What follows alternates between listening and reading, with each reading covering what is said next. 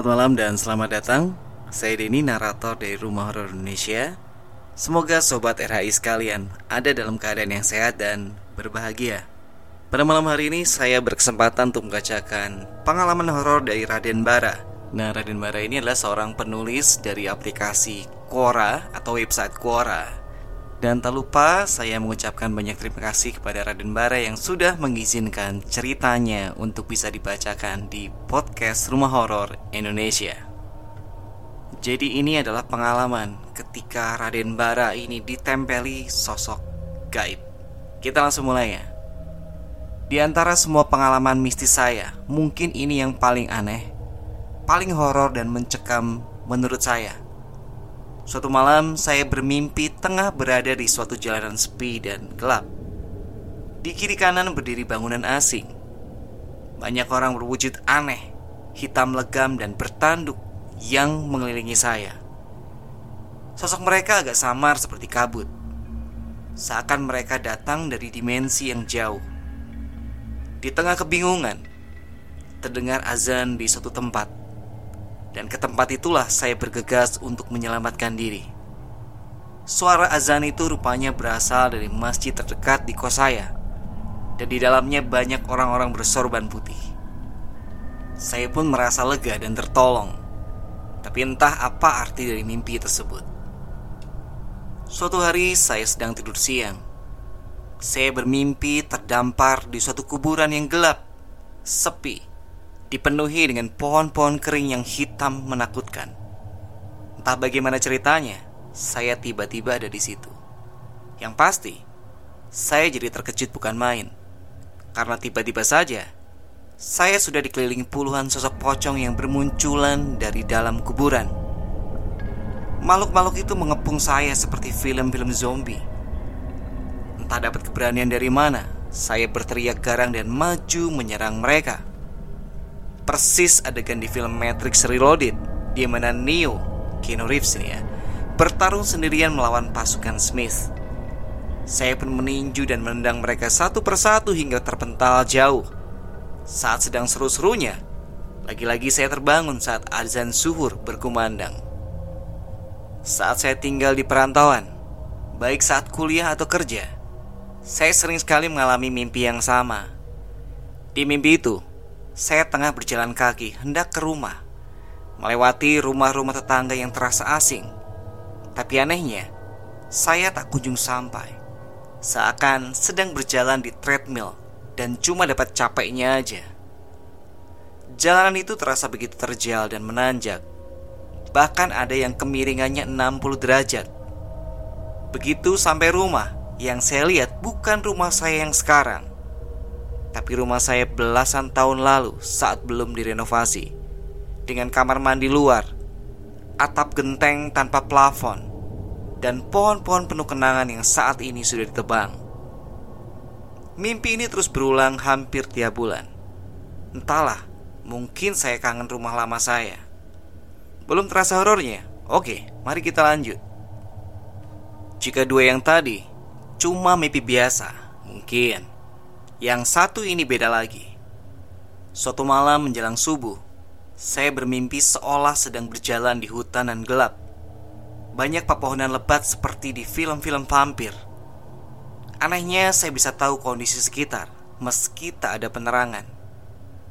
Mimpi kali ini terasa begitu nyata, seolah saya memang berada di tempat tersebut, merasakan sentuhan daun-daun berduri di tangan saya menghela dinginnya udara hutan masuk ke paru-paru saya.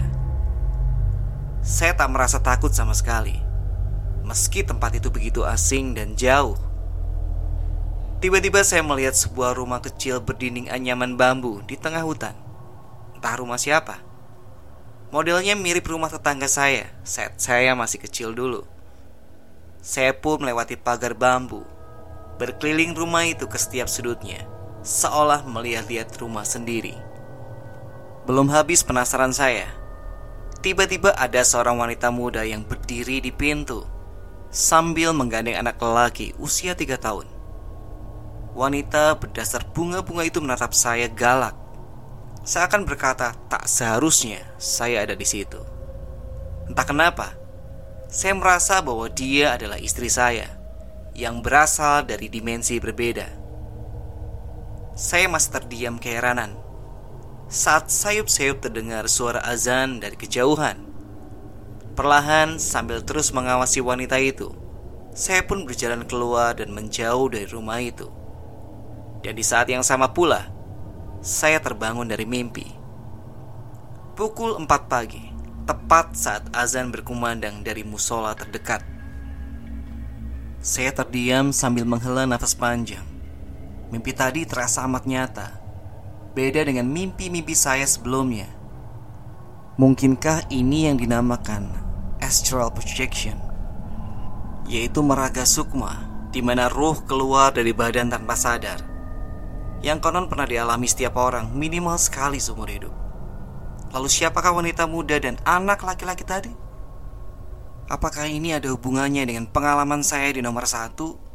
Nah buat Sobat RHI Pengalaman Raden Bara nomor satu itu adalah mengenai lukisan wanita cantik yang misterius Nanti kalau ada kesempatan semoga bisa diceritakan ya Kita lanjut dulu ya Masih ada kaitannya dengan yang tadi di lain hari saya bermimpi ada jenazah gadis yang entah kenapa kerandanya malah dibawa ke rumah saya.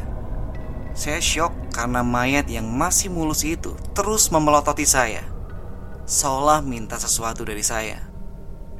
Mungkin peristiwa berikut ini ada kaitannya Atau malah mungkin inilah asal muasal dua mimpi aneh tadi Beberapa bulan sebelumnya, Mbak Daisha Saat sedang searching di internet saya membaca berita tentang kasus ruda paksa yang berujung pembunuhan seorang gadis remaja. Jenazahnya ditemukan dalam kondisi tanpa ya begitulah di pinggir sungai. Cantik juga batin saya saat melihat foto korban pembunuhan. Gadis itu tengah tersenyum manis dan bagian matanya disensor mozaik. Saya tak kenal dia, tapi bentuk pipi dan bibirnya mirip teman kuliah saya. Cuman mirip loh teman saya ini sekarang masih hidup sehat walafiat. Beberapa detik setelah saya membatin tersebut, tiba-tiba pintu kamar saya ada yang mengetuk. Sekali, dua kali, lalu hening. Saya terdiam, pasang telinga baik-baik. Saya pikir itu kakak atau keponakan yang iseng menjali saya. Tapi tak terdengar langkah kakinya. Begitu pintu dibuka, saya kaget karena tak melihat siapa pun di depan pintu bahkan hewan kecil macam cicak atau kumbang yang kemungkinan menimbulkan bunyi tadi juga nggak ada. Kamar saya terletak di lantai dua, dan selain kamar saya, ruangan lainnya tak berpenghuni. Kakak dan orang tua saya tidur di lantai bawah, letaknya agak jauh. Jadi kalau ada yang datang, pasti terdengar langkah kakinya di tangga. Hei, siapa pun itu, pergilah, jangan ganggu saya. Kata saya ke arah kegelapan. Tak ada jawaban. Saya pun menutup pintu dan memutuskan langsung tidur. Memalukan sekali.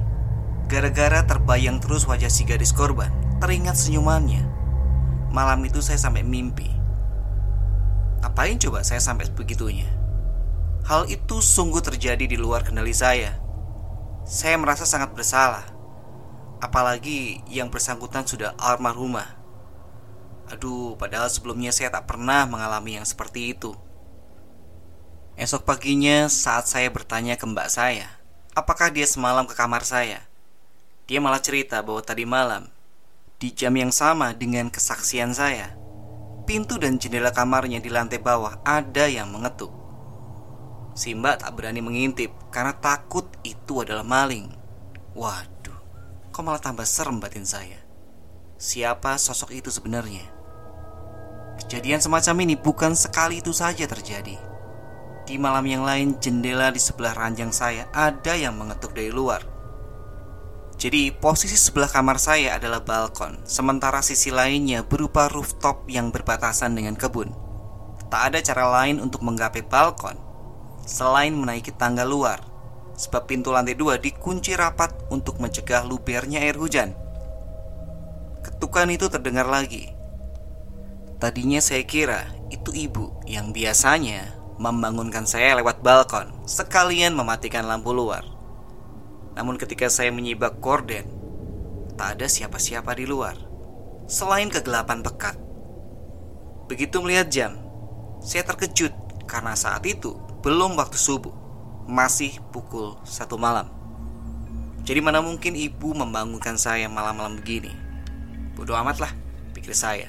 Memutuskan kembali tidur.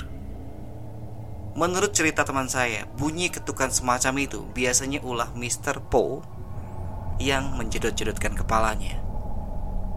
Puncaknya adalah tiga bulan lalu ketika saya tinggal di Kuningan.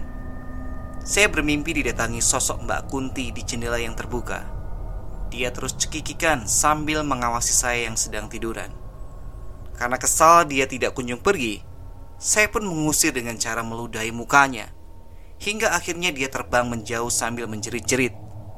Suaranya amat memekakkan telinga, seolah-olah kejadian di mimpi itu nyata. Menurut feeling saya, makhluk itulah yang selama ini menempeli saya, biang kerok yang bikin saya susah jodoh selama 10 tahun terakhir. Jadi ceritanya begini, sejak saya masuk kuliah hingga sekarang, setiap kali saya bertemu perempuan, entah kenal atau tidak, reaksinya pasti selalu nggak enak bersikap judes dan menatap sinis seolah membenci saya. Termasuk teman KKN di cerita sebelumnya, yang nanti akan kita bawakan lah pada kesempatan yang lain ya. Tidak semuanya sih, ada juga yang baik, seperti keluarga atau teman dekat yang benar-benar mengenal saya. Tapi kebanyakan dari kaum wanita bereaksi seakan saya ini orang jahat atau buaya darat. Padahal memegang tangan wanita saja saya tak berani. Lucunya, ini hanya terjadi saat si wanita melihat saya secara langsung. Ada teman saya yang iseng memakai foto saya di aplikasi kencan. Dan bukan main banyaknya cewek-cewek yang tertarik mendaftar jadi pacarnya. Katanya nih, muka saya ganteng, gagah, dan sebagainya. Saat aksi teman ini kepergok saya, saya kesal bukan main karena di dunia nyata, saya sendiri malah susah dapat pasangan. Para gadis seperti menghindari saya demi alasan yang tak masuk akal. Pernah saya hampir melamar seorang gadis, sudah bertemu ayahnya juga. Tapi dia memutuskan menjauh karena katanya mau fokus kuliah. Tadi sangka, setelah saya sabar menunggu, dia malah menikah dengan lelaki lain beberapa bulan sebelum wisuda. Kayaknya, Bang, ini cerita horor lu yang paling horor nih bang Oke lanjut Makanya saya trauma dengan tipe perempuan tertentu. Dan sampai sekarang saya belum juga menikah. Yang menguatkan dugaan saya bahwa saya ketempelan adalah Suatu ketika saya berdiri di depan kantor tempat kerja saya menjelang isya. Ada seorang pemuda yang lewat sambil menatap ketakutan ke arah saya.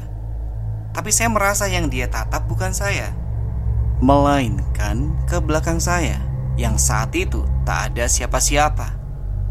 Mungkinkah pemuda itu seorang indigo dan bisa melihat sesuatu di belakang saya?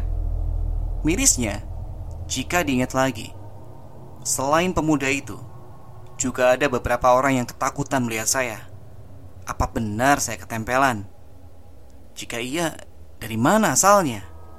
Mohon jika pembaca yang mengerti masalah ini Tolong beri masukannya di kolom komentar.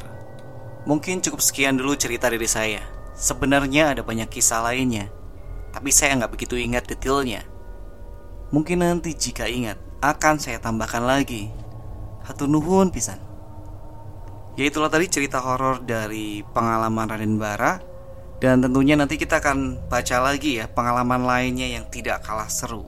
Semoga kalian terhibur dengan cerita tadi. Selamat malam, selamat beristirahat.